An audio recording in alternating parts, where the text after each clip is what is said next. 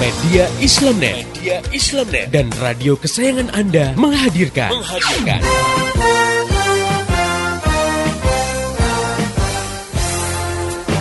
Voice of Islam, Voice of Islam, Voice of Islam. Di satu sisi diyakini bahwa perbuatan judi dan semua bentuk kemaksiatan itu diharamkan oleh Islam. Itu juga banyak yang sudah tahu.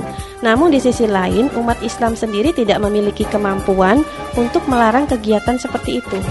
Karena sebenarnya kalau orang paham Islam, maka tidak akan dia punya pendapat wanita harus bekerja karena Islam tak pernah mewajibkan wanita untuk bekerja yang wajib bekerja itu laki-laki hmm, karena mereka iya. wajib menanggung nafkah keluarganya.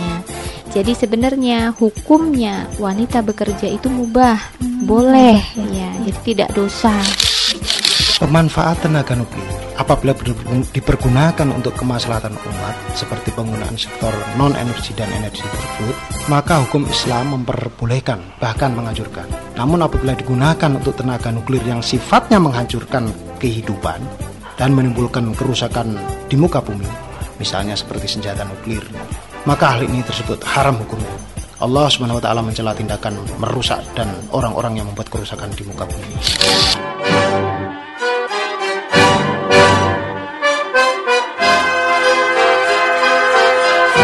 Voice of Islam. Voice of Islam. Voice of Islam.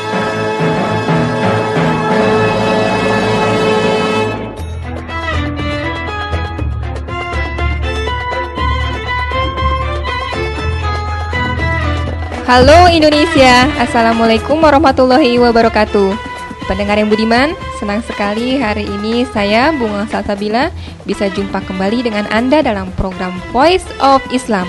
Kerja bareng Media Islamnet dengan radio kesayangan Anda ini tentunya. Dan selama 30 menit ke depan, Voice of Islam akan menemani Anda dalam rubrik Female Chatting Rubrik yang akan membahas permasalahan-permasalahan seputar kehidupan wanita baik tentang pemikiran dan hukum-hukum Islam yang berkaitan dengan wanita. Baik, pendengar yang budiman, di studio telah hadir Ustazah Insinyur Nani Wijayati yang akan mengasuh rubrik Female Chatting ini. Beliau adalah wakil pemimpin redaksi majalah Female Readers. Baik, kita sapa dulu beliau. Assalamualaikum, Mbak. Waalaikumsalam warahmatullahi wabarakatuh. Bagaimana nih kabarnya hari ini? Alhamdulillah baik baik, insya Allah baik. Alhamdulillahirobbilalamin. Pendengar yang budiman, gosip sekarang sudah tidak lagi menjadi dominasi ibu-ibu rumah tangga di perumahan saja, di mall, di perkantoran, di jalan, di TV, bahkan di toilet pun gosip sudah menjadi menu sehari-hari. Bahkan di media massa gosip sudah menjadi jualan yang laris. Kenapa ini semua bisa terjadi? Dan kenapa juga tradisi gosip sudah sangat membudaya dalam masyarakat kita yang katanya si agamis? Dalam rubrik Female Chatting kali ini, kita akan kupas topik bahaya gosip dengan harapan kita, para muslimah, dapat membentengi diri dari budaya gosip yang sering kali menimbulkan fitnah di tengah masyarakat. Oke pendengar, kita akan bahas tentang bahaya gosip bersama Mbak Nani Kujayati setelah lagu yang berikut ini. Tetap setia di Voice of Islam. 24 tahun Rombana Hamba di dunia Rombana Hamba banyak dosa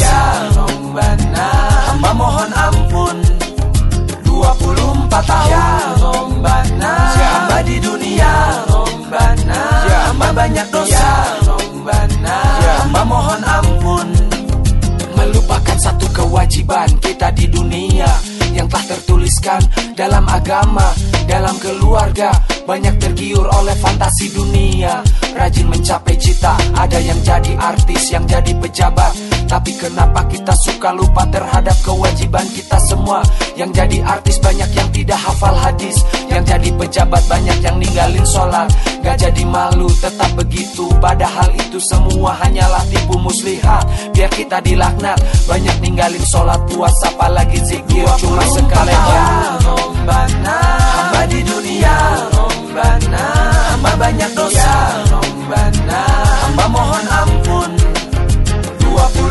24 tahun Rombana Hamba di dunia Rombana Hamba banyak dosa Rombana Hamba mohon ampun. Allah subhanahu wa ta'ala Allah memerintahkan kepada kita semua makhluknya di dunia berusaha mencukupi kebutuhan menafkahi keluarga. Dari zaman Nabi Adam mencari Siti Hawa dan Rasulullah bergerak di bidang niaga. Namun sebenarnya kita jangan lupa terhadap kewajiban kita semua. Jangan lupa sholat jangan lupa zakat jangan lupa zikir. Sekarang mari kita evaluasi diri apa kekurangan kita di dunia kita perbaiki. Ya buat bekal nanti di alam kekal. tahun rombana hamba di dunia.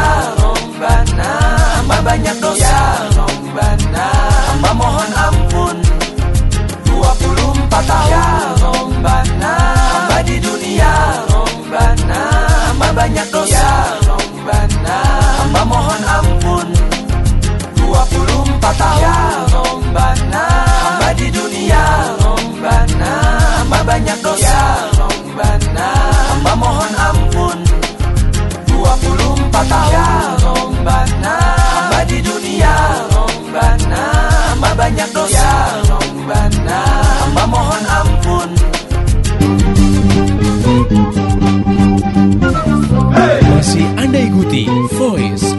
Islam. Persembahan media Islamnet dan radio kesayangan Anda ini. Voice of Islam. Voice of Islam. Voice of Islam.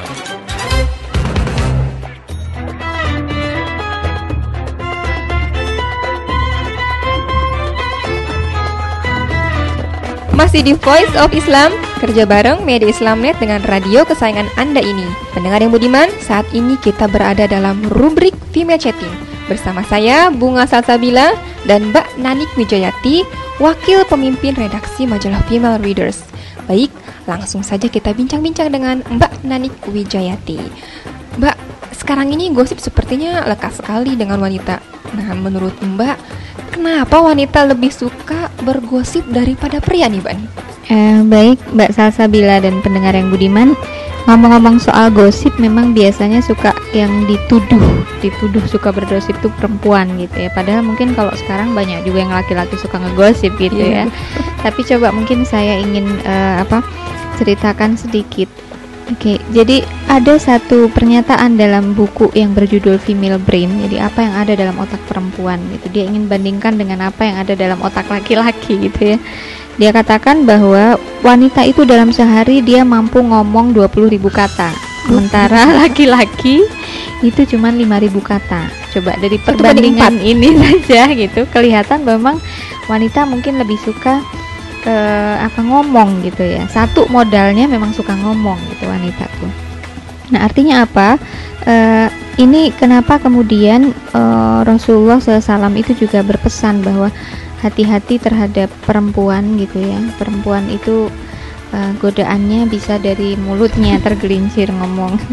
Jadi eh, ya kalau dibilang lekat sekali dengan wanita mungkin karena memang modal wanitanya suka ngomong itu satu gitu. Nah sekarang kalau sudah suka ngomong berarti kan yang kedua adalah yang diomongin apa gitu. Yang diomongin apa mungkin. Kalau laki-laki ketika dia punya kesempatan ngomong biasanya yang diomongkan itu entah ilmu entah berita entah teknologi gitu. Yang yang mereka anggap sesuatu yang yang urgent lah gitu. Yang yang penting yang menarik yang aktual gitu.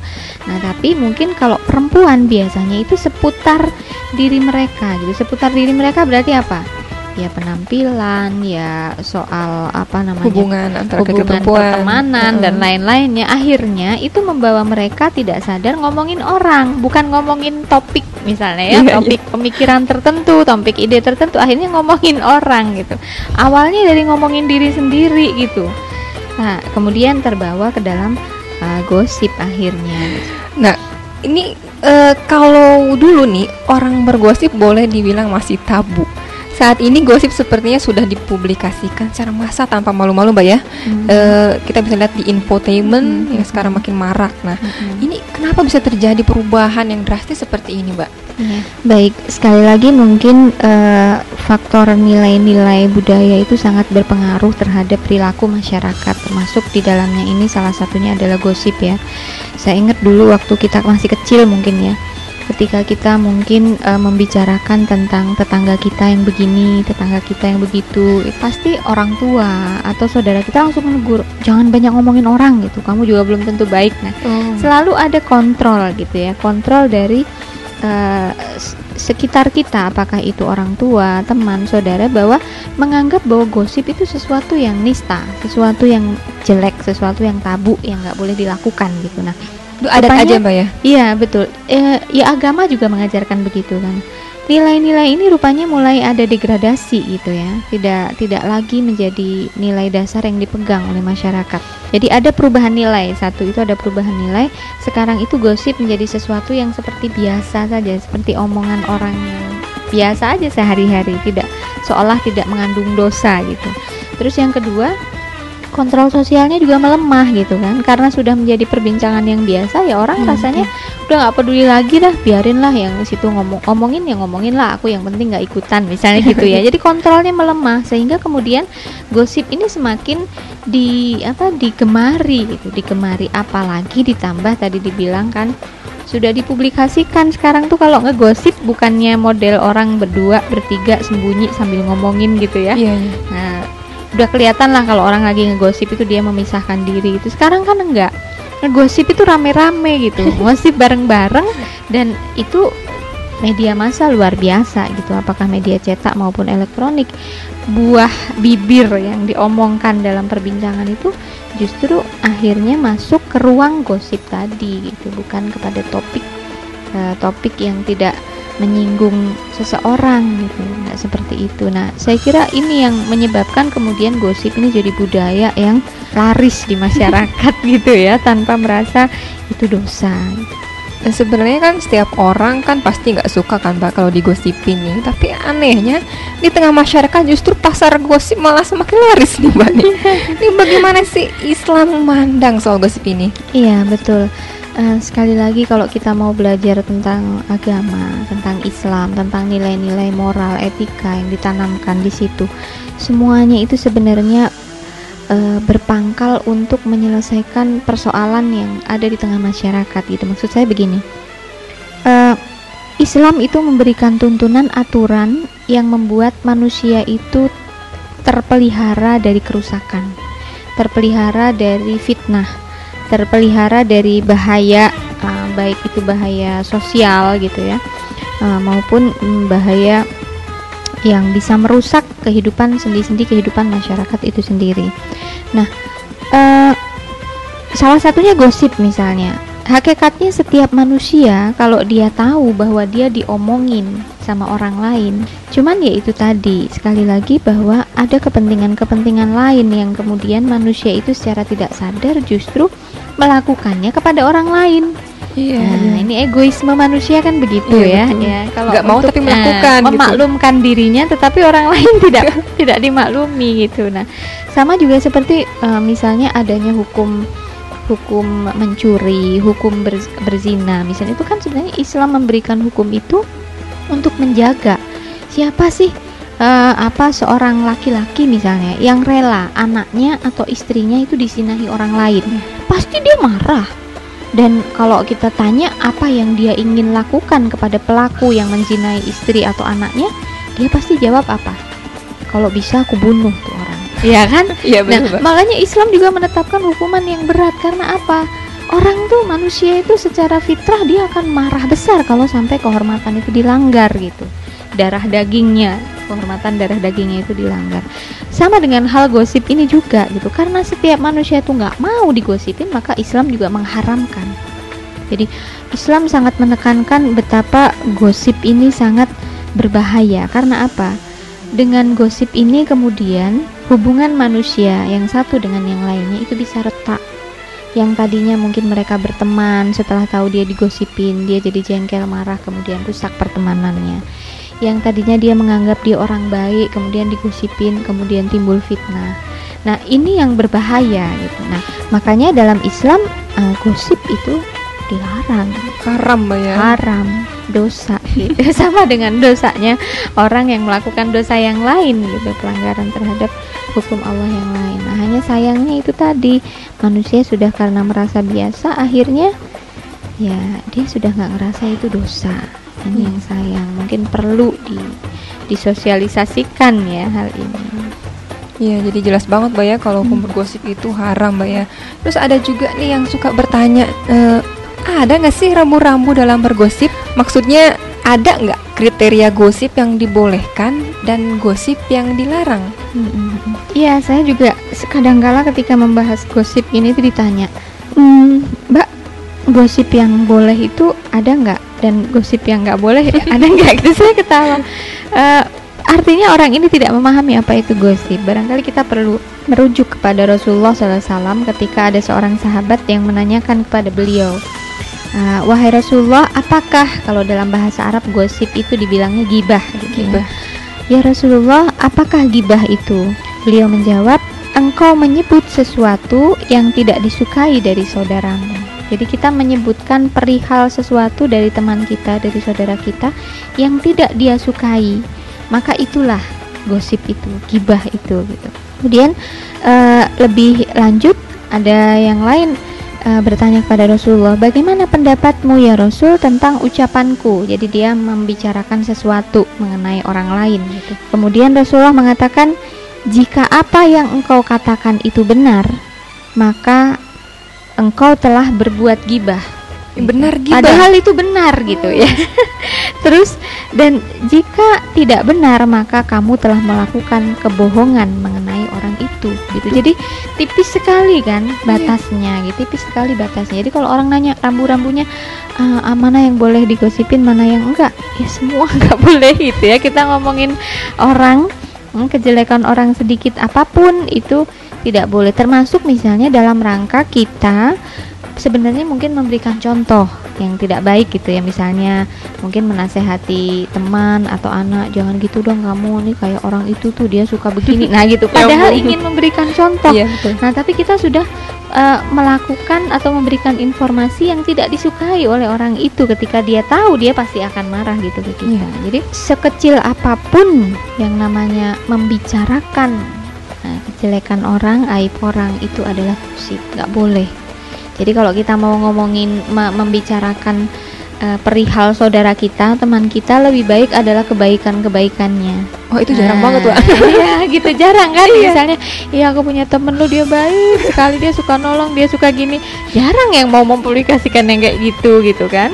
Nah justru, oh itu dulu kayak apa gitu rasanya eh, saking kadang kan gosip itu juga eh, muncul ketika dia merasakan eh, ketidaknyamanan hubungan dia dengan orang lain akhirnya Hmm, dia mengu- ya. mengungkapkan kejelekan-kejelekannya Eh, Mbak, mungkin kita tidak suka ikutan ngegosip nih. Tapi kalau ada temen yang mulai mancing-mancing mancing ngegosip nih, bagaimanakah sikap kita sebaiknya nih, Mbak? Ya jelas karena eh, kita tahu ya bahwa gosip itu sesuatu yang dilarang oleh Islam. Tentu sebagai seorang muslimah kita harus sekuat tenaga untuk menghindari gosip ini. Jangan sampai kita terseret atau terbawa ke dalam eh, apa namanya gosip. Eh, yang jelas kita harus ingat bahwa kenapa gosip ini dilarang atau diharamkan itu tentu karena mengandung satu doror, mengandung satu bahaya yang sangat besar. Apa bahayanya? Ketika kemudian gosip itu dilakukan, satu adalah menimbulkan ketidaksukaan, kejengkelan, kemarahan bagi orang yang digosipin kan gitu. Artinya, ketika sudah eh, dia nggak suka, maka akan muncul bibit-bibit permusuhan ya kan? Akan muncul bibit-bibit permusuhan. Yang tadinya dia merasa bersahabat akhirnya dia merasa dikhianati gitu. Yang tadinya dia merasa dekat dia rasanya pengen menghindar aja gitu kan. Nah ini berarti pertama merusak hubungan persahabatan menjadi sebuah permusuhan. Itu yang pertama. Kemudian yang kedua seandainya gosip itu dilakukan dan itu eh, ternyata yang digosipkan itu adalah sesuatu yang berupa aib misalnya ya. aib yang seharusnya ditutupi ternyata dibuka. Nah ini akan eh, gayung bersambut dari mulut ke mulut terus bersambung sampai akhirnya nanti pasti akan menimbulkan masalah yang lebih besar berupa fitnah gitu ya. Jadi mungkin tadinya yang diomongin itu persoalannya sederhana gitu ya misalnya oh kemarin dia itu loh apa habis gajian beli ini beli itu gitu. Tahu nggak dia jalan sama siapa? Tadinya mungkin persoalannya itu gitu ya. Tapi yang dikatakan gosip kan orang bilang makin digosok makin sip gitu ya. makin digosok makin sip. Tadinya ngomongin tentang dia pergi habis gajian jalan-jalan gitu shopping ke mall beli sesuatu lalu terus gitu berlanjut ke dengan siapa dia jalan? Oh ya oh, kemarin kemarin ketemu lagi pakai itu pakai oh, akhirnya yang diomongin nggak cuman sekedar dia beli baju atau beli apanya dari uh, hasil gajiannya bukan gitu tapi mungkin merembet ke yang lainnya. Dan itu akan menimbulkan fitnah terus terang. Jadi uh, inilah yang akan kemudian merusak hubungan yang lebih berat lagi gitu. Apalagi kalau misalnya yang digosipkan itu nggak sekedar uh, sesuatu yang yang bisa me, me, menimbulkan malapetaka yang lebih besar. Misalnya dalam persoalan uh, aib rumah tangga misalnya gitu. Nah itu dampaknya apa? Ketika kemudian si A dengan si B suami istri gitu kan diomongin itu lagi ini tuh sekarang lagi berantem misalnya gitu ya. Uh, lagi pisah tempat tidur misal ranjang misalnya gitu. Itu diomongin banyak orang nggak cuman terbatas pada keluarganya. Apa yang akan terjadi? Mungkin sebenarnya mereka betul gitu ya melakukan pisah ranjang. Tapi kalau itu kemudian dijaga aib itu dijaga diselesaikan di keluarga kan selesai. Tapi saking digosipinnya sudah meluas mereka rasanya gimana? Malu ada misalnya kemudian mereka juga sudah terlanjur kecoreng mukanya malah mungkin bisa saling menuduh. Ini yang nyebarin siapa? Pasti yeah. kamu gitu kan. Bukan aku bukan aku kamu. Akhirnya yang tadinya sebenarnya mungkin masalahnya ringan bisa jadi rumah tangga ini bubar cerai. Hanya karena karena tadi dibesar-besarin dalam gosip gitu. Nah, ini kan bahaya sekali menurut saya. Sehingga apa pun bentuk gosip itu kalau kemudian dilakukan jangan terpancing ikut yang pertama bisa kita lakukan kalau memang kita nggak mampu untuk menasehati mereka, menghindar aja. Jadi ketika sudah ada yang mulai mancing gosip, pergi aja lah gitu kita gitu ya. Kalau kita tidak mampu menasehati. Oh, justru nih, jadi nggak pergi-pergi. nah itu dia paling nggak ya udah deh aku nggak ikut gosip tapi aku dengerin gitu ya jadi sumber berita jangan juga gitu ini tadi yang hmm, seperti Mbak bilang tadi ada kalau misal kita harus menasehati Mbak ya hmm. ke, ke teman yang ngegosip itu. Hmm. Tapi terkadang kita suka takut nanti yang meng, apa yang tadi lagi ngegosip tuh tersinggung atau marah gitu. Itu hmm. gimana Mbak? Iya betul. Persoalan persoalan e, menasehati ini kadang memang di dalam kehidupan kita nih di antara orang muslim sendiri aja itu sesuatu yang sensitif gitu ya Padahal sesungguhnya kalau kita mau uh, ingat ayat-ayat dalam Al-Quran juga banyak, hadis juga banyak yang mengingatkan bahwa sebenarnya ya kehidupan muslim dengan muslim yang lain itu harus watawasobil hak, watawasobil sabar gitu. Jadi nasihat menasehati dalam soal kebenaran, dalam soal kesabaran itu wajib gitu. Jadi jangan kemudian ketika dinasehati saudaranya dia tersinggung atau marah. Ini salah gitu. Sebagai seorang muslim dia salah gitu. Salah dia.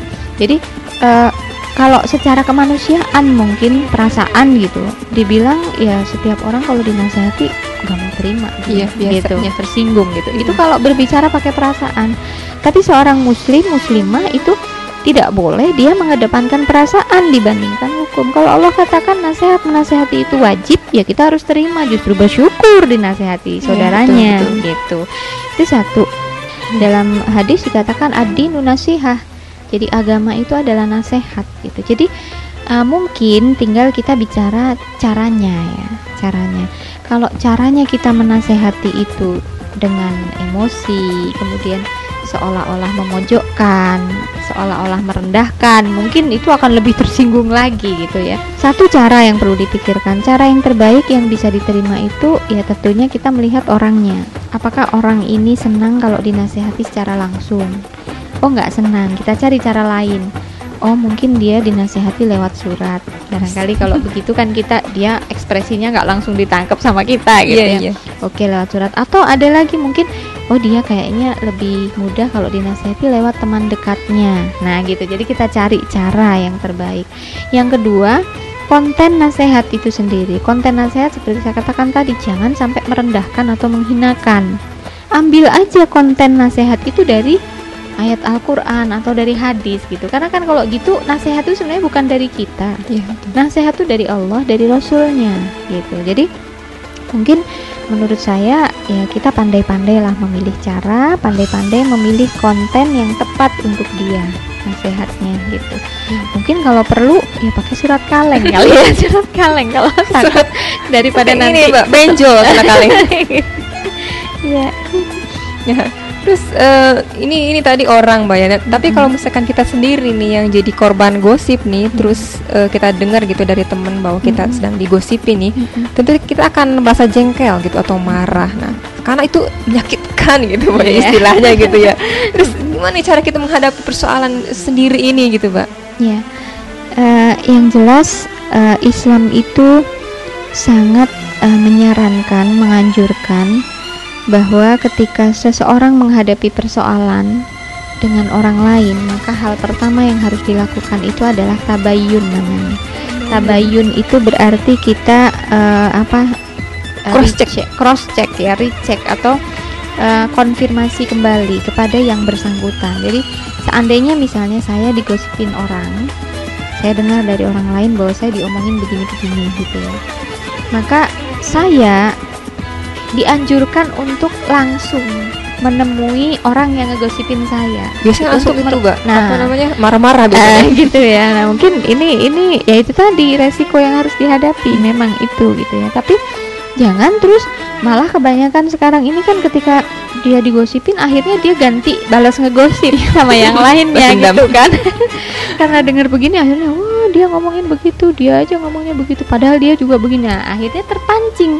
Tadinya kita sebenarnya punya kesempatan untuk ya udah biarin aja gitu ya. Akhirnya terpancing. Harusnya yang dilakukan adalah tabayun kita datangi kemudian kita tanya apa benar kamu ngomongin aku seperti ini gitu kok dari orang lain aku dengar seperti ini mungkin itu lebih baik untuk me- mengetahui sebenarnya apa sih yang tidak disukai dari saya sampai kamu ngomong begitu gitu ya Ya, betul. nah harusnya itu sikap kesatria itu dimiliki oleh semua orang muslim Satria. gitu ya jadi itulah bedanya ketika sudah tabayun sudah tahu duduk persoalannya seperti apa maka kan clear nggak Ya. ada pihak ketiga yang bisa memanfaatkan uh, gosip ini gitu. Jadi kalau sudah clear pahit-pahitnya setelah itu selesai Ya, setelah itu selesai. Dan muslim kan tidak boleh ada dendam gitu. Jadi kalau sudah memang oke saya salah nah, saya minta maaf sudah selesai. Setelah itu hubungan baik kembali gitu. Nah ini yang harusnya dilakukan. Eh, yang terakhir mbak, eh, apa sih kiat kita agar kita jadi orang yang tidak suka bergosip atau jadi biang gosip gitu, bigos gitu mbak? Ya, eh, eh, yang perlu kita ingat adalah eh, Rasulullah SAW juga pernah waktu itu eh, ada dua orang wanita yang sama Rasulullah diminta seorang wanita untuk memuntahkan gitu yang ada di dalam eh, perutnya ke dalam sebuah piring gitu. Setelah dia berusaha memuntahkan, ternyata yang keluar bukan nasi, bukan tempe, bukan bayam gitu ya. ya? Ya, yang keluar adalah darah dan nanah gitu kan. Terus satu orang lagi dipanggil seorang wanita itu untuk memuntahkan kembali. Itu lebih-lebih lagi darah, nanah, daging, gumpalan daging itu lebih lebih penuh lagi. Yang tadinya setengah ini yang satu gitu. Lalu tentu kan ini menimbulkan tanda tanya, kenapa kok orang itu muntah sampai yang dimuntahkan itu adalah darah, daging, nanah gitu. Iya. Rasulullah katakan dia orang yang suka gibah, orang yang sudah suka melakukan gosip gitu, gibah ngomongin orang lain. Begitulah eh, apa namanya yang ada sebenarnya di dalam perutnya. Makanya dalam satu hadis kan di dikatakan bahwa orang yang eh, melakukan gibah ya, ngomongin saudaranya itu ibaratnya dia seperti makan daging eh, mayat saudaranya gitu ya. Jadi bukan cuma daging segar itu sudah jadi mayat gitu. Itulah yang sebenarnya dia makan. Dia Ya. masukkan ke dalam perutnya saat dia menggosip itu. Nah, kalau kita tahu seperti itu apa kita masih mau tetap bergosip? Serem Kayaknya itulah yang harus kita ingat. Jadi biar mungkin banyak juga wanita-wanita termasuk mungkin muslimah yang tidak pernah dengar tentang hadis ini, tentang tujuan Islam ini sehingga dia merasa ringan aja gitu bergosip. Kalau kita kayak gitu tadi tahu ceritanya, aduh kayaknya baru dengar omongan aja itu udah langsung Iya. kebayang ya itu darah sama nanah sama daging dimakan sama dia Astagfirullah. udahlah pergi aja kan gitu ya nauzubillah min zalik gitu jadi saya kira kiatnya adalah ingatlah bahwa itu sesuatu yang diharamkan sesuatu yang berbahaya ingat akan bahayanya ingat akan tadi apa namanya peringatan dari Rasulullah bahwa ketika kita menggosip sama seperti kita makan mayat daging mayat saudara kita sendiri. Auzubillah min. Oke, pendengar yang budiman, itu tadi bincang-bincang kita dengan Mbak Nanik Wijayati tentang bahaya gosip. Nah, setidaknya eh, kita bisa mengambil kesimpulan ya. Eh, yang pertama adalah budaya gosip adalah budaya yang diharamkan oleh Islam. Nah, ini harus diingat baik-baik ya oleh pendengar yang budiman. Maka sebaik eh, sebagai muslimah kita harus kuat tenaga menghindarkan diri dari gosip bagaimanapun caranya. Terus yang kedua, untuk mewujudkan kehidupan yang penuh persahabatan dan persaudaraan, maka budaya yang seharusnya dikembangkan adalah nasihat menasehati, amanah dan jangan lupa tabayun atau cross check atau klarifikasi kepada yang berhak. Oke, buat para pendengar, kami juga menampung usulan-usulan Anda dalam pembahasan persoalan-persoalan wanita lainnya. Anda bisa kirim surat ke radio kesayangan Anda ini atau kirim SMS ke 085694924411 atau bisa juga melalui email ke mediaislamnet@yahoo.com. Akhirnya, saya Bunga Salsabila dan seluruh kerabat kerja yang sedang bertugas kali ini mengucapkan terima kasih kepada Mbak Nanik Wijayati atas penjelasannya, Mbak. Sama-sama. Terima kasih juga buat pendengar yang telah setia mengikuti acara ini dari awal sampai akhir. Pesan saya, sampaikan apa yang Anda peroleh dari acara ini kepada yang lain agar rahmat Islam ini bisa segera tersebar luas, termasuk di kota Anda yang tercinta ini. Dan esok hari, insya Allah, Voice of Islam akan kembali hadir di waktu dan gelombang yang sama. Mari menimbang masalah dengan syariah. Assalamualaikum warahmatullahi wabarakatuh. Demikian tadi Voice of Islam. Voice of Islam. Semoga hikmah yang terkandung bermanfaat untuk kita semua. Amin amin amin ya robbal alamin. Kembali bisa Anda dengarkan Voice of Islam. Voice of Islam menghadirkan topik-topik seputar kehidupan kita esok hari di waktu dan gelombang yang sama.